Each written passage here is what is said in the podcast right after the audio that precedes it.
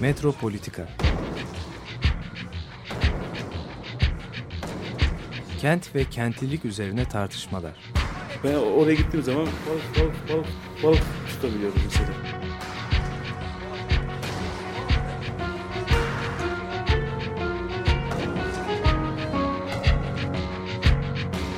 Hazırlayıp sunanlar Aysin Türkmen, Korhan Gümüş ve Murat Güvenç. Takusuyor ki. Kolay kolay boşaltamadılar. Yani elektrikçiler terk etmedi Perşembe Pazarı merkezini. Günaydın sevgili Açık Radyo dinleyicileri. Ee, Bugün e, Korhan Gümüş, Murat Güvenç e, ve ben Aysim Türkmen programı yapıyoruz ve konuğumuz Ferda Keskin. Hoş geldin Ferda. Hoş bulduk, günaydın. Hoş geldiniz efendim. Hoş bulduk efendim, teşekkür ederim. Evet, konumuz ise e, tahmin edebileceğiniz gibi e, Taksim Meydanı 1 Mayıs e, yarın. E, bizleri neler bekliyor? Biraz bunu konuşacağız. Nereden buraya geldik? E, biraz ona üzerine fikir e, yürüteceğiz. E, aslında e, geçen programda da biraz konuşmaya başlamıştık. İki sene Taksim Meydanı'nda rahat rahat e, gösteriler yapılabildi. Taksim Meydanı'nda 1 Mayıs kutlanabildi. Ee, geçen sene bir anda e, inşaat e, yüzünden denilerek kutlamalar e, 1 Mayıs Taksim'de olmayacak denilerek izin verilmedi ve Evet. sorunlar yaşandı. Bu senede e, valinin benzer bir gerekçesi var. Dün yaptığı açıklamada. E, turizm potansiyeli çok yüksek e, ve otellerin 24 saat hizmet verdiği bir bölgede, faaliyet gösterdiği bir bölgede e, böyle bir şey yapılırsa 1 Mayıs gösterileri ülkemizin ekonomisi, turizm potansiyeli ve ülkemizin tanıtımı yani imajı olumsuz etkilenecektir. Bu yüzden Taksim gösterilere uygun bir yer değildir. Şimdi geçen sefer inşaatta bu sefer turizm İnşaat olduğu olarak. zaman Evet. şey yok muydu acaba?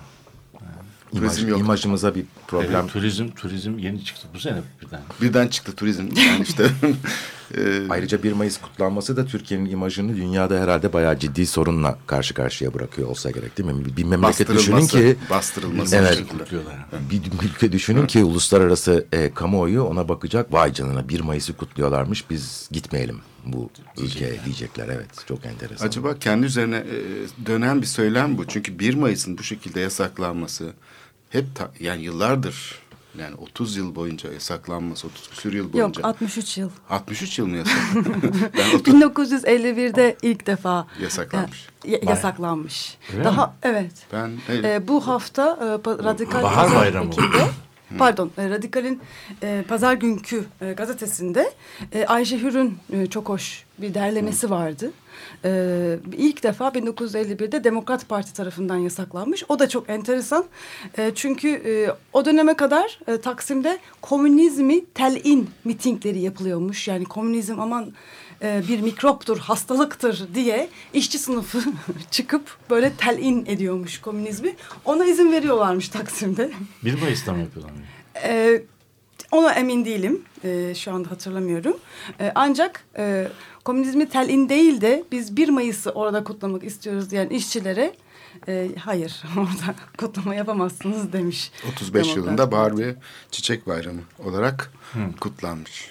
1935 yılında. Oluvermiş. Evet 1935'te ama 1 Mayıs'la alakası Yok. yokmuş tabii, Tabii. ki. Sonra 1976'ya gelene kadar sürekli şey olmuş. 76'da bir kutlama olmuş. Ee, tabii ertesinde de tabii 77 yılında da bu büyük Katliam. katılımı e, olan şeyi engellemek için e, bir takım karanlık şeyler. e, Otelciler mi? evet o master planı yapmışlar. Şimdi tabii böyle alanlarda bir yönetim planı yapılıyor. Uzun vadeli düşünülüyor. Yoksa bizim valinin bugün fark ettiği gibi Aa, burada turizm potansiyeli yüksekti. Bu sene de o yüzden yapamayacağız e, demek yerine uzun vadeli bakıyor aslında devlet Tabii, böyle şeylere. tabii, tabii. Çok uzun vadeli olarak bakıyor ve ona göre planlıyor. İktidarlar değişiyor. Bu tutum değişmiyor. Tabii. Yani bu konudaki gayretler değişmiyor. Demek ki en tehlikeli grup kim? İşçiler. Evet. Her iktidar için tehlike oluşturuyorlar. Hayır bu şey çok ilginç. Mesela hükümetin buradaki e, dile getiriş biçimi hani şimdi seçimler genellikle iktidarın değişmesi için meşru platformdur. Seçimler, e, seçimler sonucu iktidarlar değişir. Fakat burada iktidar ilginç bir şekilde Taksim'i öyle bir saha olarak görüyor ki eğer oradaki iktidarını kaybederse e, sanki seçimlerde yenilgi almış gibi olacak. Yani kazayla 1 Mayıs orada kutlanırsa bu hep böyle oldu ama partiler açısından sağ partiler açısından. Yani burayı kaybederlerse, ele geçiremezlerse yani iktidarda oldukları halde Taksim'de gösteri yapılmasına izin verirlerse o zaman sanki bu bir maç e, orada gerçekleşen skora göre kaybediyorsa bu şeyi o zaman iktidar da kaybedecek.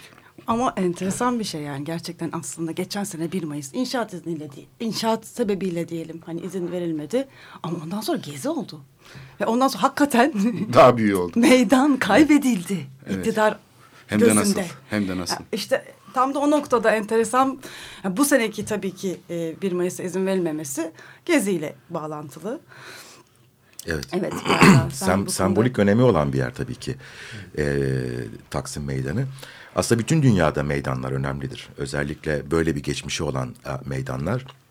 Dolayısıyla da e, Taksim e, bu anlamda e, dünyada son diyelim ki işte beş yıl belki daha fazla e, meydana gelen gelişmeleri e, düşünürsek hep meydanlarda olan şeyler bunlar. Yani işte e, Kahire'de Tahrir Meydanı, e, şeyde e, Atina'da e, Sintagma Meydanı, e, Türkiye'de e, Taksim ama e, tabii e, geçen yıl hemen gezi olayları e, başladıktan birkaç gün sonra ben bu programa e, konuk olmuştum ve e, orada e, çok önemli bir farkı vardır demiştim Taksim Meydanı'nın bu diğer meydanlardan.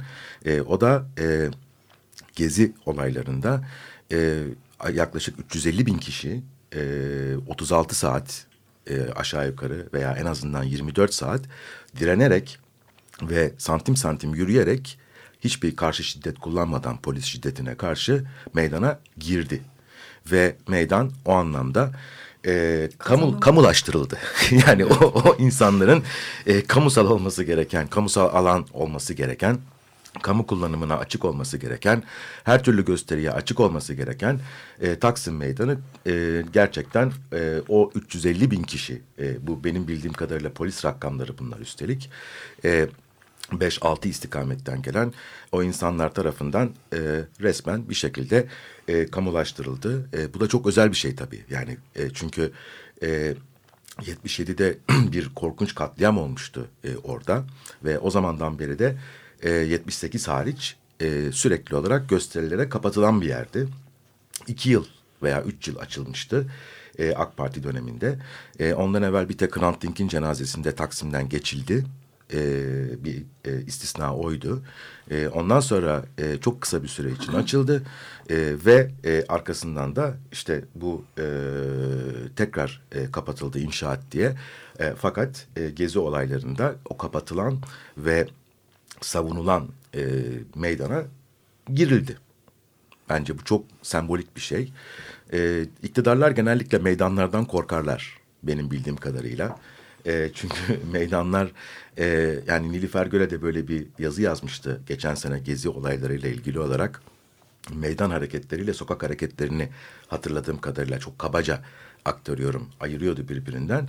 E, meydanlar e, gerçekten de e, işte e, büyük kitlelerin e, hareket ettiği, harekete geçtiği e, ve görünür olduğu e, mekanlar. E, yönetilmesi daha güç olan e, kitlelerin görünür olduğu mekanlar. Ben AK Parti'nin şu anda Türkiye'de çok ciddi bir yönetim zaafıyla karşı karşıya olduğunu düşünüyorum. Ve e, Taksim'in de e, bu yıl böyle turizm falan gibi hiç kimsenin inanmayacağı, çocukların bile inanmayacağı bir takım bahanelerle kapatılmasının da bu yönetim zaafıyla ilgili olduğunu düşünüyorum. Ee, yani formel olarak iktidarda olmakla yönetebilmek arasında çok ciddi bir fark var. Çünkü neoliberal toplumlarda biliyorsunuz özgürlükler kısıtlanmaz, özgürlükler yönetilir e, neoliberal e, toplum e, aslında e, geçenlerde bir kitabı çıktı Michel Foucault'un Türkçe'de. Uzun zamandır bazı bölümleri dolaşımda olan bir kitaptı bu ama kitabın tamamı çıktı. E, benim de uzmanlık alanıma girdiği için burada hafif bir gönderme yapmak istiyorum. E, Güvenlik Toprak Nüfus e, isminde. İşte orada e, Michel Foucault e, farklı iktidar modellerini birbirinden ayırt eder. E, bir tanesi hükümranlık modelidir. E, tamamen yasa ve yasaklama üzerinden e, kendini tesis eden ve mutlak itaat bekleyen tebaadan ve e, yöneticinin e, dışarı dışında durduğu hatta aşkın bir noktada durduğu bir e, e, yönetim biçimidir bu veya iktidar modelidir ve önemli olan yöneticinin kendi güvenliğidir. E, örneğin işte Machiavelli'nin Prens kitabında e, anlattığı e, modelde olduğu gibi e, daha sonra e, biyo iktidarla birlikte disiplinci bir modele geçildiğini e, söyler Foucault. E, orada da yasa artık disiplin e, mekanizmalarının normlarına uygun bir şekilde çalışmaya başlar. Ve en nihayetinde de yönetimsellik adını verdiği bir model vardır. E, yönetimselliğin diğer ikisinden farkı özgürlükleri kısıtlamak yerine yönetmek ye çalışmasıdır. E, çünkü kapitalizmin e, gerekleri e, var. Nedir o gerekler? İnsanların kendilerini özgür hissetmeleri.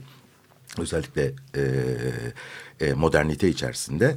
E, dolayısıyla yönetmek çok önemli. Fakat şimdi AK Parti e, nasıl yönetiyordu? Yönetim kadroları nereden geliyordu? Belediyeden. Hmm, bir cemaat vardı diye hatırlıyorum ben. Ha, evet, orada e, yani orada çok ciddi e, uzman kadrolar vardı. Değil mi?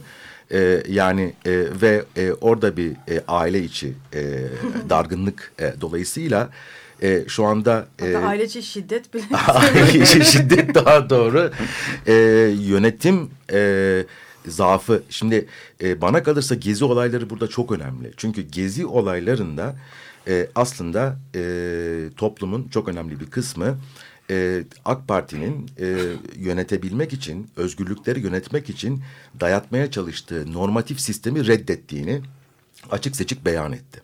Şimdi özgürlükleri yönetmek için mutlaka sizin belirli bir normatif sistemi kendine özgür hisseden insanlara benimsetmeniz gerekir. Ki kendi özgürlüğünü o normlara göre kullansın ama sizin istediğiniz normlara göre kullansın.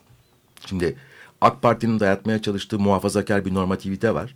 Ki bütün dünya deneyimi budur değil mi? Yani neoliberalizm genellikle muhafazakarlıkla gelir. Amerika'da Reagan, İngiltere'de Thatcher, Türkiye'de Özal. Yani biz maalesef Özal'ı liberal sanıyorduk o dönemde. Ama çok ciddi tam aynı dönemde neoliberalizmi Türkiye'ye getirmeye çalışıyordu. Sekteye uğradı neoliberalizm Türkiye'de. Darbeler postmodern bir şekilde geri gelmeye çalıştılar. Yani disiplinci iktidar müdahale etti yönetimselliğe benim şahsi kanaatim. Çünkü disiplinci iktidarı Türkiye'de ordu ve darbeler temsil ederler. Cumhuriyet projesinin en üst noktasıdır o. Yani Cumhuriyet bana kalırsa işte Osmanlı'da reformlarla beraber giren o e, disiplin modelini almıştır ve mükemmelleştirmiştir. E, Demokrat Parti ile birlikte yönetimsellik dediğimiz model dahil olmaya çalışmıştır Türkiye siyasi hayatına ve 60'tan itibaren bütün bu darbele süreçleri bana kalırsa Türkiye'de disiplinci modeli benimsemiş bir iktidar e, ilişkileri bütünüyle yönetimselliği getirmeye çalışan iktidar ilişkileri bütünü arasındaki mücadeledir. Şimdi bu mücadelede e, galip çıktı yönetimsellik ama ne oldu? Yönetimsellik kendi krize girdiği andan itibaren hapishaneler açıldı ve disiplinci modelin temsilcileri çıktılar. Dolayısıyla ittifaka girildi bana kalırsa Adalet ve Kalkınma Partisi ve Başbakan e, o disiplinci iktidarı temsil eden insanlarla zımni bir ittifak içerisine girdi ve yönetemediği için de en eski en arkaik modele geri döndü. Hükümranlık modeline yani tebaadan mutlak itaat bekleyen ve yasayı e, özgürlükleri yönetmek için değil özgürlükleri kısıtlamak için kullanan bir modele geri döndü. Twitter yasağı bence bununla ilgili olan bir şey. Facebook, yasağı, evet. YouTube, gösteri yasağı, Taksim. Yani tepeden inme projeler. Tepeden inme Tam muhafazakar Jacobin. aynen, aynen ve böyle yani şeyden de ita- itaat bekliyor. Yani aa evet çıkılmayacakmış Taksim'e çıkmayalım.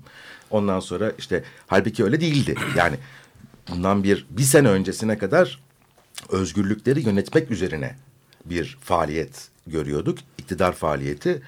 Ee, o da belli bir normativiteyi dayatarak oluyordu. Yani ne yapıyordu AK Parti mesela? İçki içmeyi yasaklamıyordu.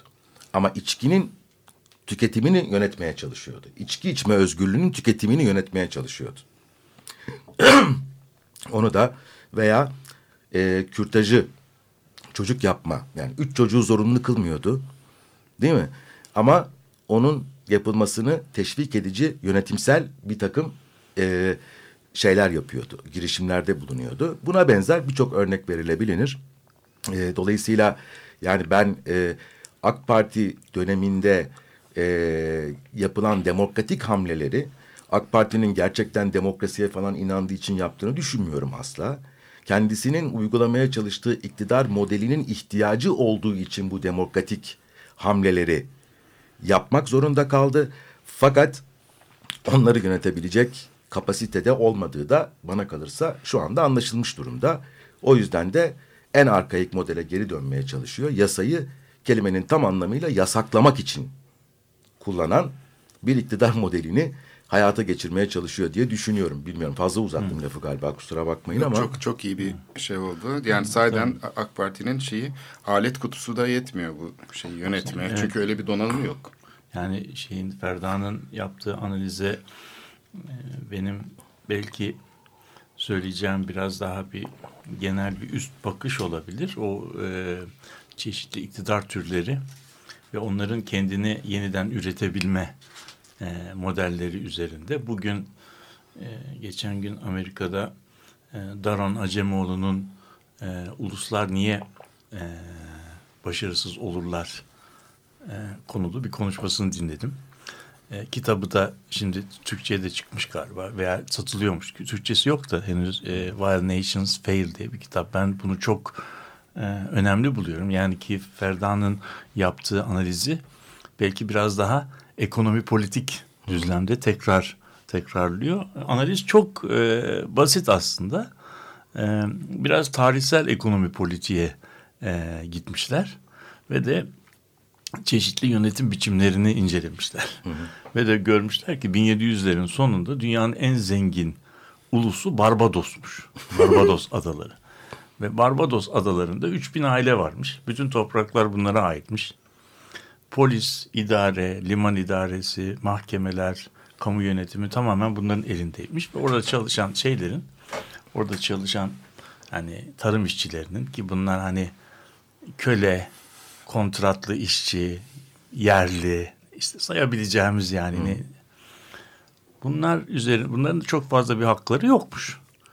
Ee, fakat ee, işte şeker kamışı o zaman bugünkü petrol gibi bir şey. Makine olmadığı için. Hı hı. yani insanların enerjiye ihtiyacı var. e o enerji de şekerden geliyor. Yani bugün bugün şey ne kadar önemliyse petrol ne kadar önemliyse de şeker kamışı o kadar önemli. O zaman da Barbados'ta bunu üretmenin bir yolunu bulmuşlar. Yani işte şeker kamışını yetiştirip sıkıyorlar. Şeker böyle şurup gibi akıyor. Sonra donduruyorlar. Onu hani kütle şekeri olarak götürüp insanlar onu kırarak yiyor yani bütün dünyaya ve dünyanın en büyük e, ihracat ekonomisini yapmışlar. İşte böyle Avrupa'ya gemi yükü Barbados'tan şeker gidiyor ve altın geliyor yani. Şimdi bu sistem e, bu sistemi sürdürmüşler, yürütmüşler. Fakat e, sistemin bir sıkıntısı var. Mükemmel bir e, kendini yeniden üretebilme kapasitesi var. Fakat yenileyemiyor. Yani yenilik getiremiyor. Hı. Çünkü şeker kamışı belli sıkıyorsun. Hani daha sıkı pres yapabilirsin ama şeker yani sonra. Sonra da Napolyon şeyi savaşları çıkınca işte Avrupa şeye alınmış. Ablukaya. Fransızlar da bu şekeri alamayınca pancardan şeker yapmayı icat etmişler. İcat etmişler. Hmm. Pancardan şeker yapmayı icat edince bunlar hani Eyvallah. O zamanın OPEC'i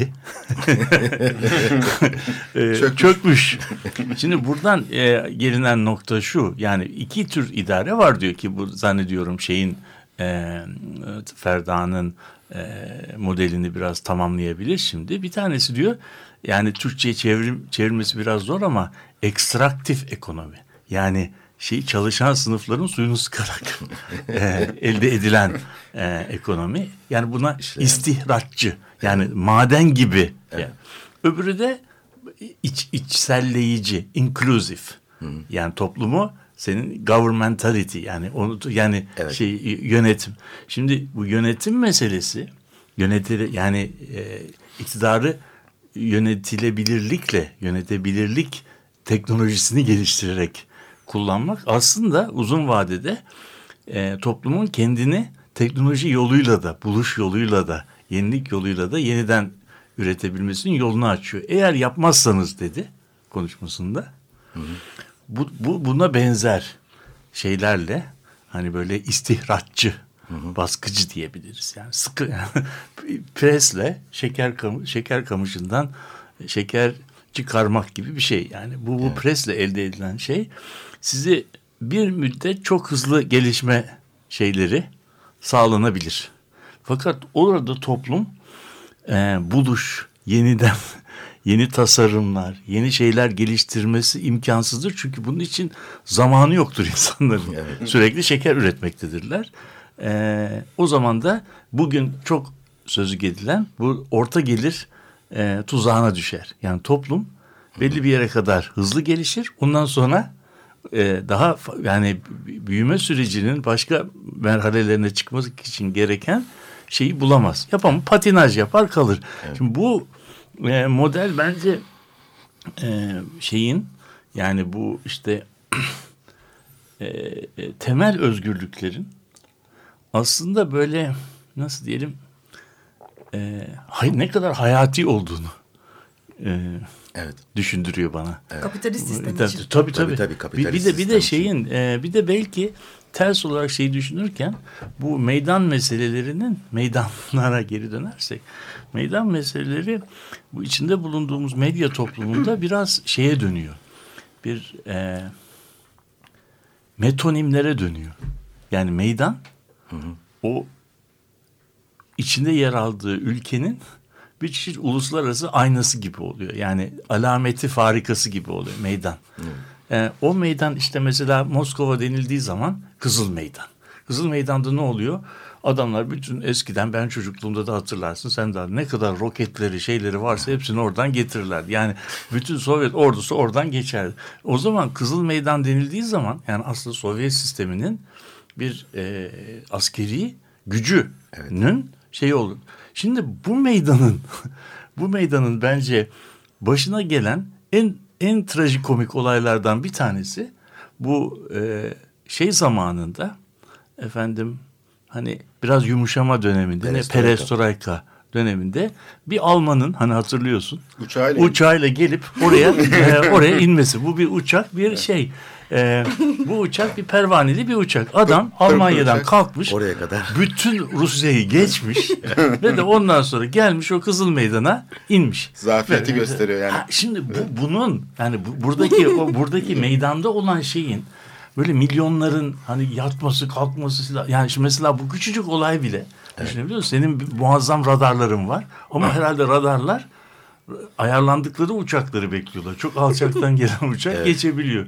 Sen her, her tarafı koruyorsun da e artık oraya da gelemezler diyorsun. Sonrasında koruması yok. Adam da geliyor oraya iniyor. Yani şimdi mesela bu tür bir olayı düşünürsek yani meydanın e, ve bunu anlattığın zaman yani bu- Karizma bu- falan bitiyor. e, Tabii ha bu, bu metonim çünkü o metonimi sen hep başka bir şeyle al, alıştırıyor. Adam geldi bir tane tek başına uç, şey pilot geldi Kızıl Meydan'a indi. Bütün Sovyetler Birliği'ni tek başına yendi. filan gibi bir şey oluyor değil mi? Yani benim yani bu söylemsel düzeyde bu Tabii. bu bunun belki Ferda bu yani bu söylemselliği çok önemli bunun.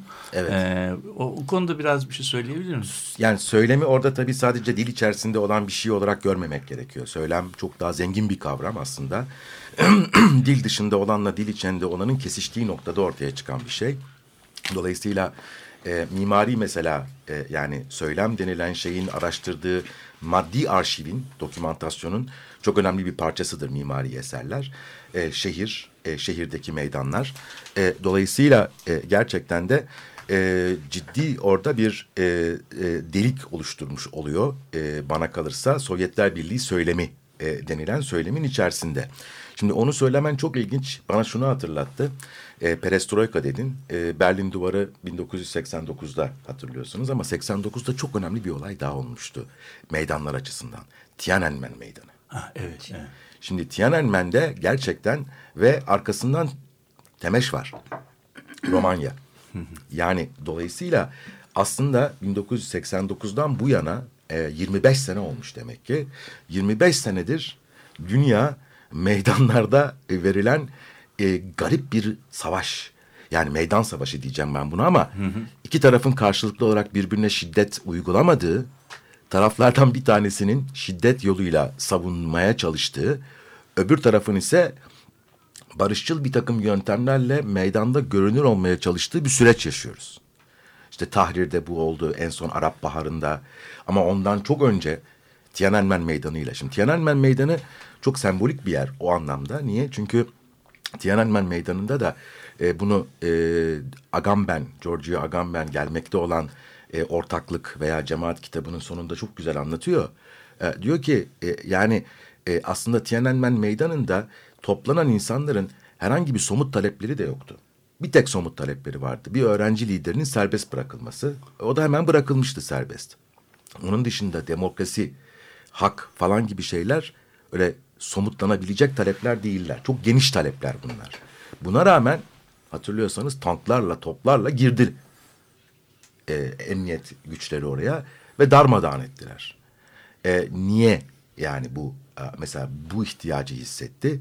E, tekrar tekrar bunu düşünmek lazım. Yani orada barışçıl bir şekilde oturan insanlar sonuç olarak. Aynı şey Gezi olaylarında da oldu. Yani çadırını kurmuş Gezi Parkı'nda değil mi? E, oturan bir takım insanlara e, önce e, çadırları yakıldı. Bir gün sonra e, işte belediyenin grayderleriyle, e, iş makinalarıyla girilmeye kalkıldı. Arkasından tomalar, e, ondan sonra işte su, gaz, ondan sonra e, şudur budur falan devasa, inanılmaz yani e, adeta devlet e, yürüyerek meydana çıkmak isteyen vatandaşa savaş açmış gibi. Yani yürüyerek gidiyorsunuz oraya doğru. Hiç kimse şey yapmıyor. Hayır diyor sen yürüyerek buraya doğru gelemezsin. Sana gaz sıkıyor. Vatandaşa değil sadece. Hani turizmden söz etti e, şey vali. O- o zaman. ben kaç kere turistlerin de gaz yediğini, O da- ayakkabılarını bırakıp kaçan turistler gördüm. Çünkü şaşırdılar neye uğradıklarını. Tabii. Yani hiçbir zaman gösteriyle alakası falan da olmayan insanlarda Tabii. e, şey şiddete maruz kaldılar. Mesela şöyle insanlar görüyorum ben. Şimdi kalabalık kaçıyor. E, karşıdan normal yürüyüşünü yapmakta olan diyelim Taksim'e doğru gidecek ya da işte Cihangir'den yukarı doğru. Onlar ne yapacak? Onlar da kaçmaya başlıyor. yani çok komik bir şey. Turistler de kaçıyor. E, Nuru Ziya yap- sokakta mesela Galatasaray'dan yani Yeni Çarşı Caddesi'ne doğru ben çok gördüm kaçan turistler. Tophane'den yukarı doğru yürümeye başlarken bir şeyler oluyor.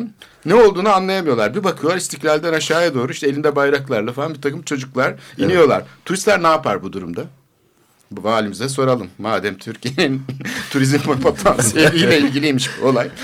Turistler de kaçıyor. Evet. Ben bu kaçan turistlerini fotoğraflamak istiyorum. Tophane'ye doğru kaçan turistler. Sürekli o, püskürtüler. o, o tabii o turistlerin Denize kaçmasından daha e, turistlerin kaçmasından daha elim ve vahim olmak üzere e, olan şey şu yani bu turistler burada orada kaçıyorlar sonra memleketlerine gidiyorlar. Orada gittikleri, yani gittikleri zaman da hani. İstanbul'da ne o şimdi İstanbul'daki olayı e, anlatacak kelimelerin içerisinde çok sık e, bazı yer isimleri yani bizim alıştığımız yer isimleri sık geçiyor. Yani mesela e, bugün Türkiye'de dünya şehir planlama literatüründe gece kondu kelimesini yani herhangi bir tercümeye e, gerek olmadan kullanabilirsiniz. Yani gece kondu bir şeydir. Hani favela kelimesi gibi gece kondu kullanılabilir.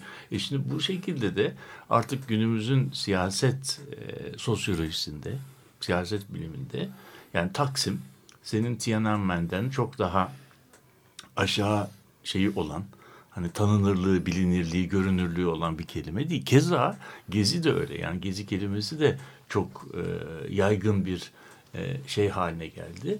Bunun e, o yüzden böyle bir e, bu kelimelerin aslında işaret ettikleri yani metonimle işaret ettikleri şey bir mucizevi bir şey. İsterseniz e, biraz ona başlayalım. Ben bir bu meydanların nasıl e, tarihsel olarak oluştuğuna dair e, bir iki şey okudum. E, onu belki ikinci kısımda e, konuşabiliriz. Yani bizde meydan yoktur filan derler. de Hani Osmanlı şeyinde nasıl nerede olmuş filan onu biraz konuşalım. Ya evet bu Osmanlı'da da hiç yani biz ne denizi kullanmayı biliyormuşuz ne mimari yani bina yapmışız ve göçebe Kamusal olarak. alan yokmuş. Tabii tabii o bu şehir efsanelerini sen çok merak ediyorum şimdi bunları.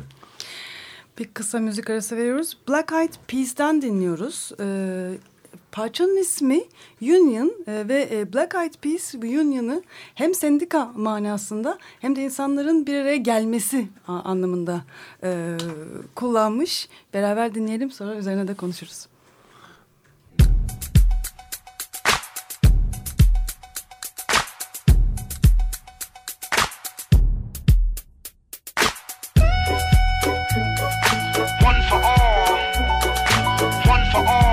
It's cold.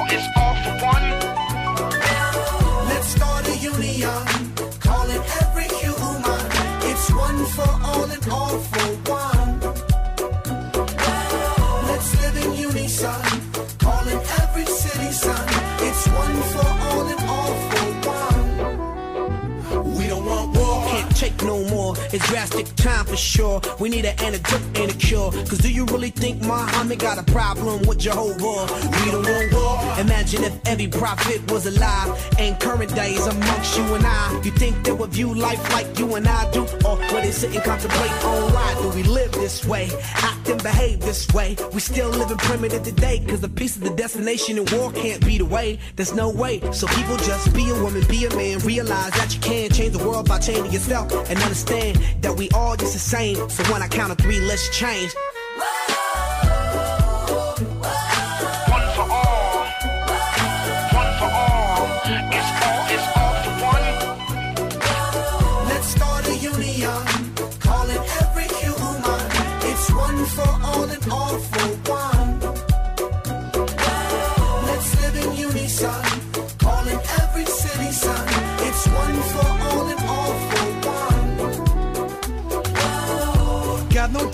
Grand philosophy. I'll barely keep my head above the tide. I got this mortgage, got three kids in school. What you're saying is the truth, but really troubles me inside. I'd change the world if I could change my mind. If I could live beyond my fears. Exchanging unity for all my insecurity. Exchanging laughter for my tears.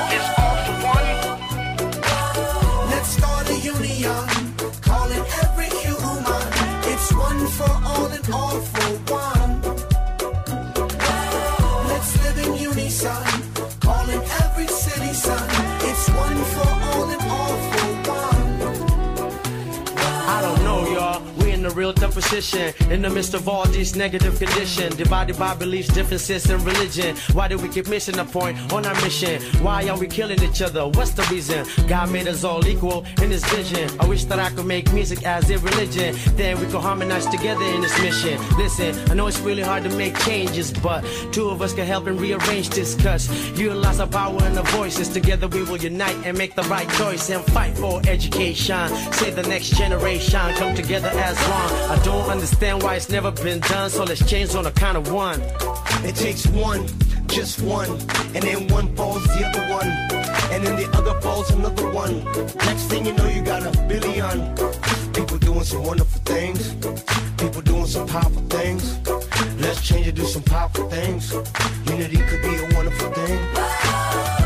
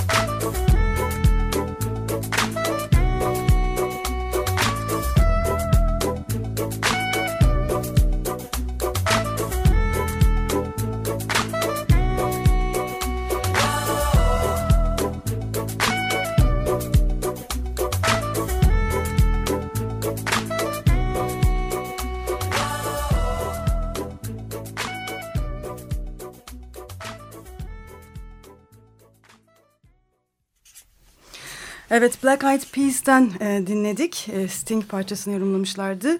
E, Union adlı tekrardan başka bir parça oluşturmuşlardı. E, son bölümünü e, Türkçe olarak söylemek istiyorum. E, ilk önce biri gelir. Ondan sonra başka biri onu takip eder. Sonra başka biri gelir. Bir bakmışsın milyarlara ulaşmışsın. İnsanlar harika şeyler yaparlar. İnsanlar çok güçlü şeyler yaparlar. Hadi değiştirelim. Hadi güçlü şeyler yapalım. Birlik harika bir şey olabilir. Peki son zamanlarda Açık Radyo'da e, Shakespeare'den şeyler, soneler ve o, okunuyor. Onların da Türkçe tercümeleri şey yapılıyor. Şimdi demin konuşurken bu senin söylediği yani Aysim'in söylediği, Türkçe çevirdiği şey böyle bir hani nasıl diyelim geleceğe yönelik bir şey. E, hani bir rüya, bir istek Ütopya. gibi, ütopya gibi bir şey oluyor. Şimdi ben bunun tam ütopya değil de bu meydanlarda bunun gerçekleştiğini ne dair size bir küçük öykü anlatayım. Benim öykümü dinleyin yani. Ben ya bu öykümün de ama kaynağı falan var. Merak edenler varsa şey yapabilirim. Efendim şimdi bu e, Floransa e, medieval Fl- Floransa şehrinde biliyorsunuz yani orta çağ döneminde şehirlerde iki güç var. Bir tanesi kilise gücü öbür tarafı idare ediyor. Bir de yerli şey var.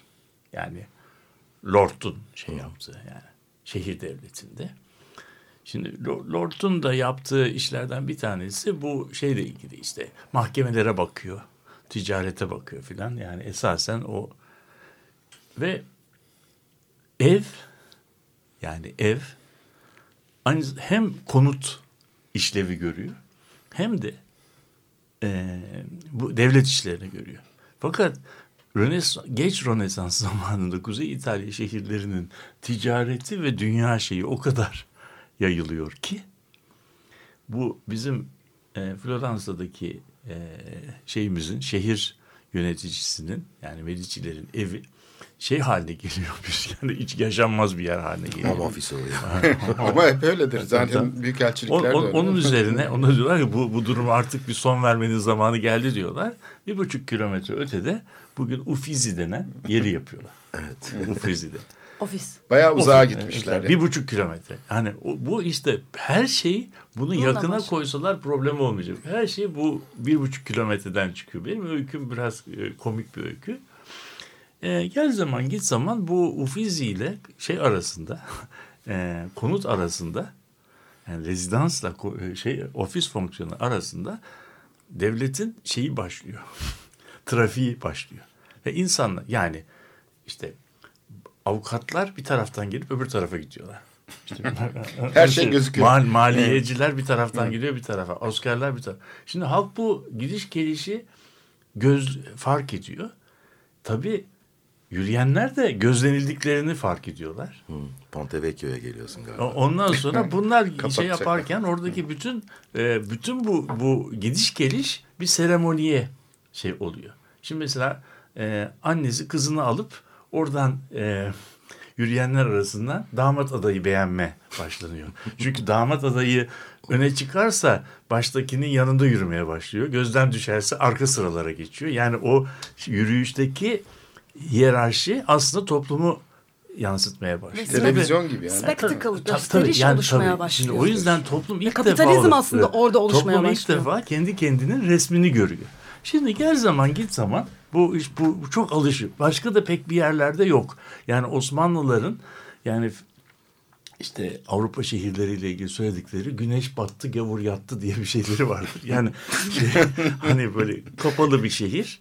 Yani yü- yürünecek yani o yüzden İngilizce'de kasaba gitmekle kasabın evine gitmek apostrofla aynı oluyor. Yani kasapla kasabın evi aynı yani kasap diye ayrı bir iş yeri yok. Ama burada bu iş yeri konut ayrımı topluma bir şey gösteriyor. Derken bu işte Marie de Medicis Fransa kralına gelin gidiyor. Gidiyor ki Paris berbat bir yer.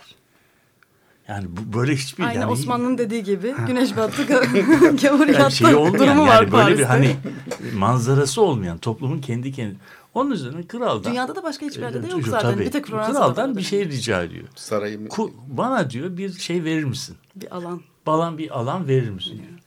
O da veriyor ona. Şey bugün bugünkü Lüksemburg. şeyin e, bu hayır Lüksemburg değil. Bugünkü Şanzelize'nin büyük bir kısmını kapsayan yani kuzey tarafta bir buçuk kilometre uzunluğunda bir kilometre şeyinde bir alan veriyor.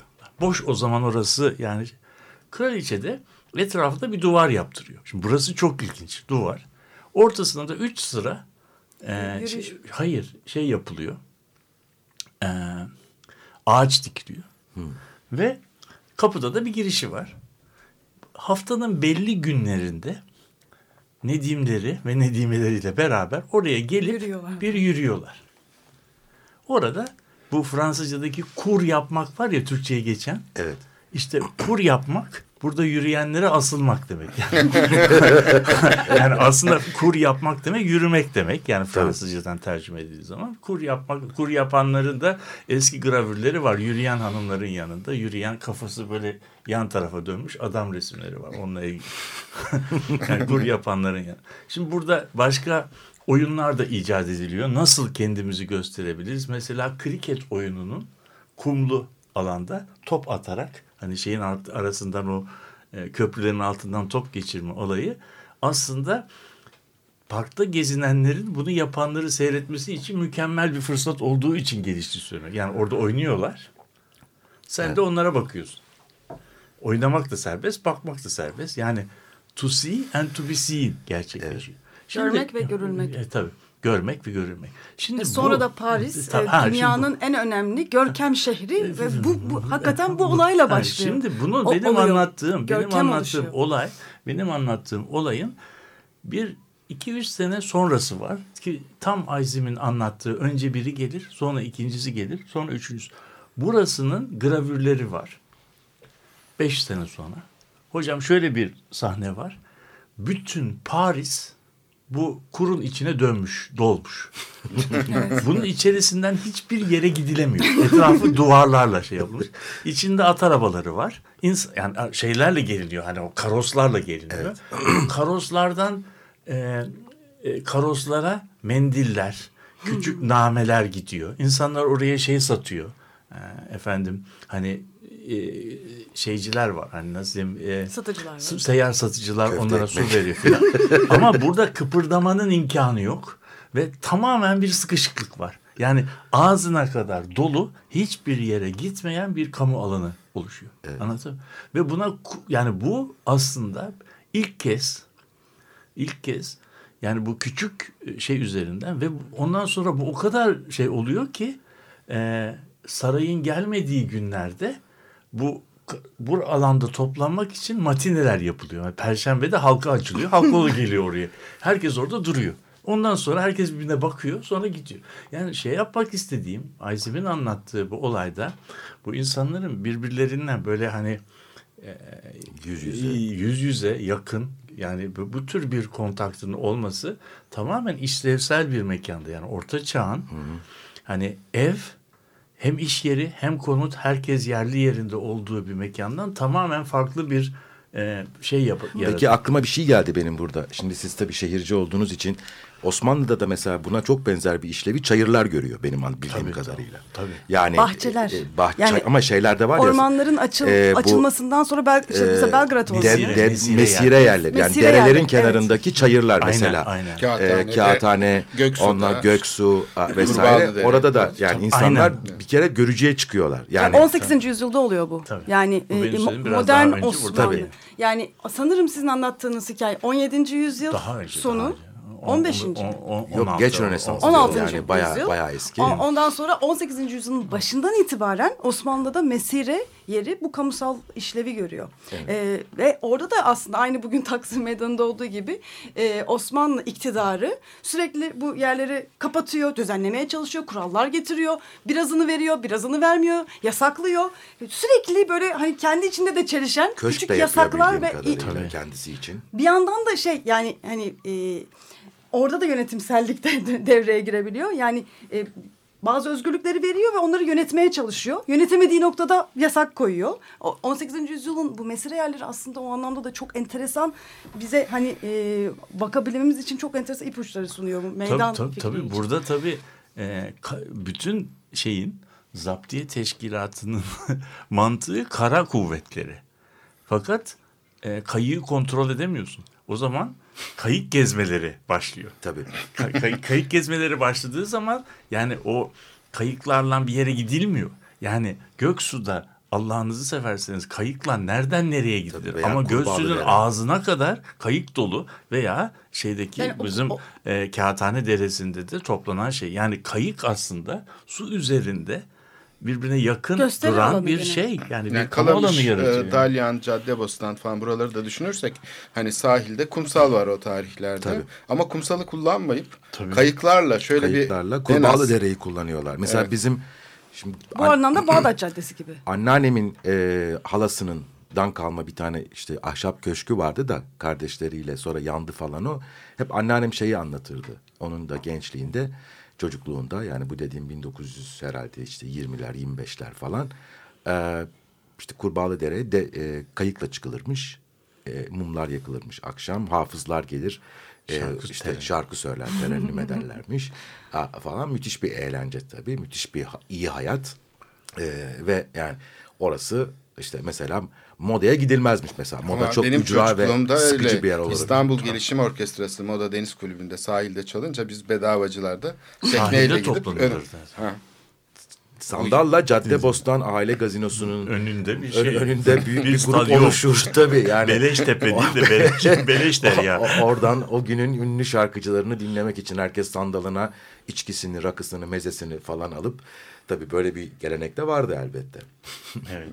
Yani bu şeyin e, işte kamu alanının oluşmasının böyle tılsımlı bir şeyi var ve bu bir defa bunun tadı alındıktan sonra da e, bu bu sefer gitmiyor. Yani başka toplumun aslında yani belki toplum dediğimiz şeyi de böyle bunun üzerinden kuruluyor diye düşünmek lazım. Yani bunlar üzerinden kuruluyor.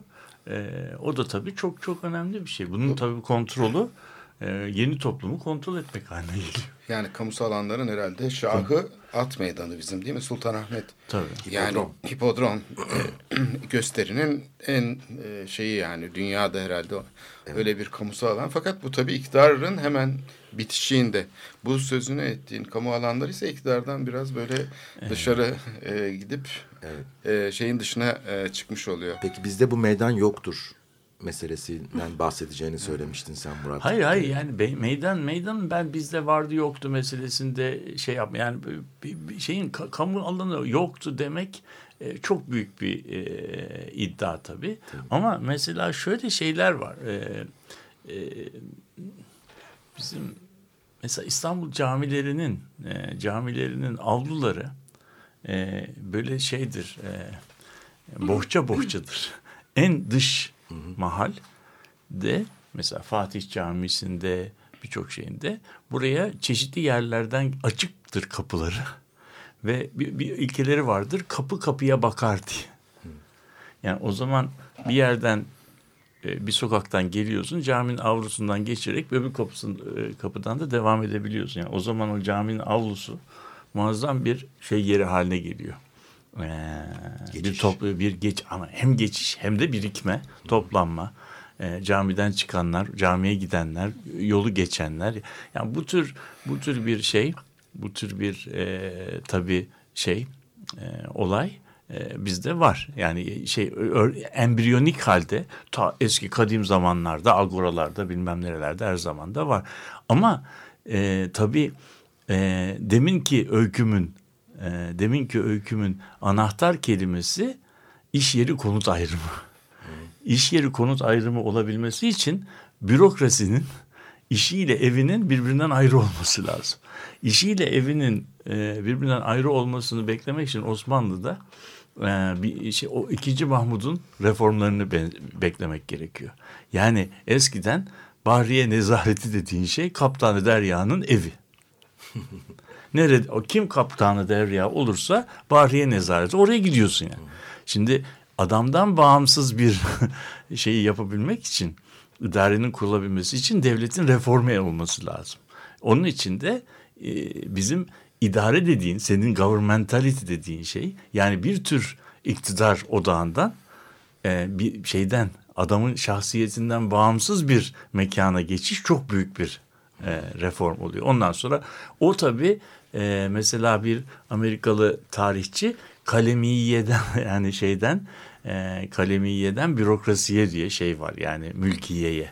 Yani önce yazarların olduğu yerlerden bürokrasinin doğması, başka bir iktidar odağının olması. Ondan sonra zaten parklar, şeyler, e, bu senin meydanlar filan uz, tabii uzmanlaşmaya şey yapıyor. Önce şeylerden başlıyor. Gayrimüslimlerden başlıyor. Gayrimüslim, Aslında, gayrimüslimler e, bugünkü pera bahçesinden. Evet. Iki, Aslında iki e, hayır sizin dediğiniz galiba daha öncesinde işte bu meselelerden başlıyor. Tabii var da. 18. Ama, yani 17. Tamam. yüzyılın sonunda tabii, Lale ama, Devri aslında çok enteresan tabii, bir kamusalın fiil, oluşma fiil, Fiilen var dönemi. ama bunun yani bunun ben kurumsallaşması için iş yeri konut ayrımının iyice kur, kur, kurumsal. Evet. Tamamen aslında, ayrışmasına getiriyor. O modernitenin yani yavaş yavaş aslında Osmanlı'ya girmesi. Ama bu, ben işte onu tam şey demeye çalışıyorum. Aslında modernite 18. yüzyılda e, hani halkın bir sürü talepleriyle ve iktidarla olan e, e, çat, küçük küçük çatışmalarıyla başlamış durumda. Yani 19. yüzyıl modernitesi daha sonra daha e, evet. tepeden yani benim bir benim anlattığım geliyor. benim anlattığım modelin eksik tarafı şu. Yani ben böyle çeşitli dönemlerden böyle enstantaneler anlattım. Aslında bu Aysim'in söylediği gibi böyle bir bir yerde kesiliyor oradan sonra tekrar sıçramalı bir şekilde başlamıyor. Yani bu aslında böyle birbirine eklemlenmiş yavaş yavaş giden bir süreç. Yani bunun içerisinde tabii. Yani çok büyük bir ihtimalle o Floransa'dan e, Paris'e gelen e, Medici ailesinden olan soylu e, gelin prenses hanım. herhalde. Gelin hanım. Gelin hanımın e, Osmanlı'ya da çok büyük etkileri vardır. O yani. tabii ama mutlaka bunlar, bunlar oradan, etkileşimle oradan, oluşuyor modernlikler. Mutlaka gelinler gelmiştir İkinci ama. Mahmud'un annesinin de Fransız bir gelin hanım olduğunu. evet, unutmayalım. ama gelin olarak değil de bildiğim kadarıyla köle olarak. Olsun ama sonra değişiyor. Ama o da bir biliyorsunuz asilzade. Evet, Fransız tabii. asilzadesi. Şimdi programın sonuna gelirken belki Ferda bir cümleyle e, programı kapatmak için şey yapabilir. Ama burada Murat'ın e, söylemiş olduğu çok önemli bir söz var. Bence çok anlamlı. Kamu alanının, kamu e, kişiliğinin den ayrışması, şahsiyetinden ayrışması dedi. Evet. Ben bunu çok önemli buluyorum. Galiba yani bu iktidarı da en çok zorlayan şeylerden biri bu. Evet. Kamu alanının şahsiyetten ayrışamaması ve sonunu da hazırlayan şeylerden biri evet. bu olacak gibi gözüküyor. Doğru, doğru. Yani katılıyorum tamamen. Değil mi? Bu cümleyi böyle cımbızla alırsak aslında ben şeyin bütün programın neredeyse özeti gibi Murat'ın bu söylediği söz. Elbette. Yani hayır, şeyi de hayır, hatırlarsak çok ilginçtir o. Yani gezi olaylarından hemen sonra e, diğer kamu görevlilerinin söyledikleriyle başbakanın söyledikleri arasında çok ciddi şeyler vardı, farklar vardı. O kendi alanıymış gibi çıkıp ben oraya işte barok mimariyle bütünlük oluşturacak şekilde bir dev opera binası yapacağım falan gibi nereden çıktığı belli olmayan. yani barok mimari var mı? Nerede var orada? Niye opera binası yapılıyor? Dev üstelik falan. Beyoğlu barok dedi işte. Evet. yani hala o ayrışma yoktu. Yani hala da yok anladığım kadarıyla. Evet. Çok doğru katılıyorum. Evet ve bu cümlelerle programın sonuna geldik. Ağızlarınıza sağlık efendim. Çok teşekkür, teşekkür ederiz, ederiz çağırdığınız için. İnşallah yarın da bir olay olmadan bayramımızı kutlarız. İnşallah.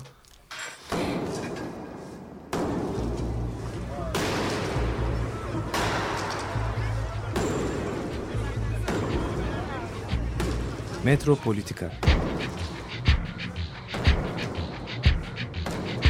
Kent ve kentlilik üzerine tartışmalar. Ben oraya gittiğim zaman balık balık balık balık tutabiliyordum mesela.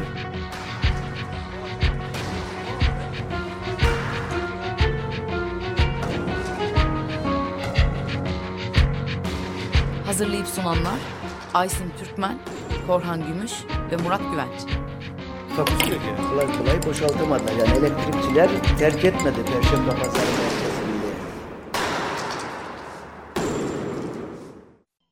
Açık Radyo program destekçisi olun. Bir veya daha fazla programa destek olmak için 212 alan koduyla 343 41 41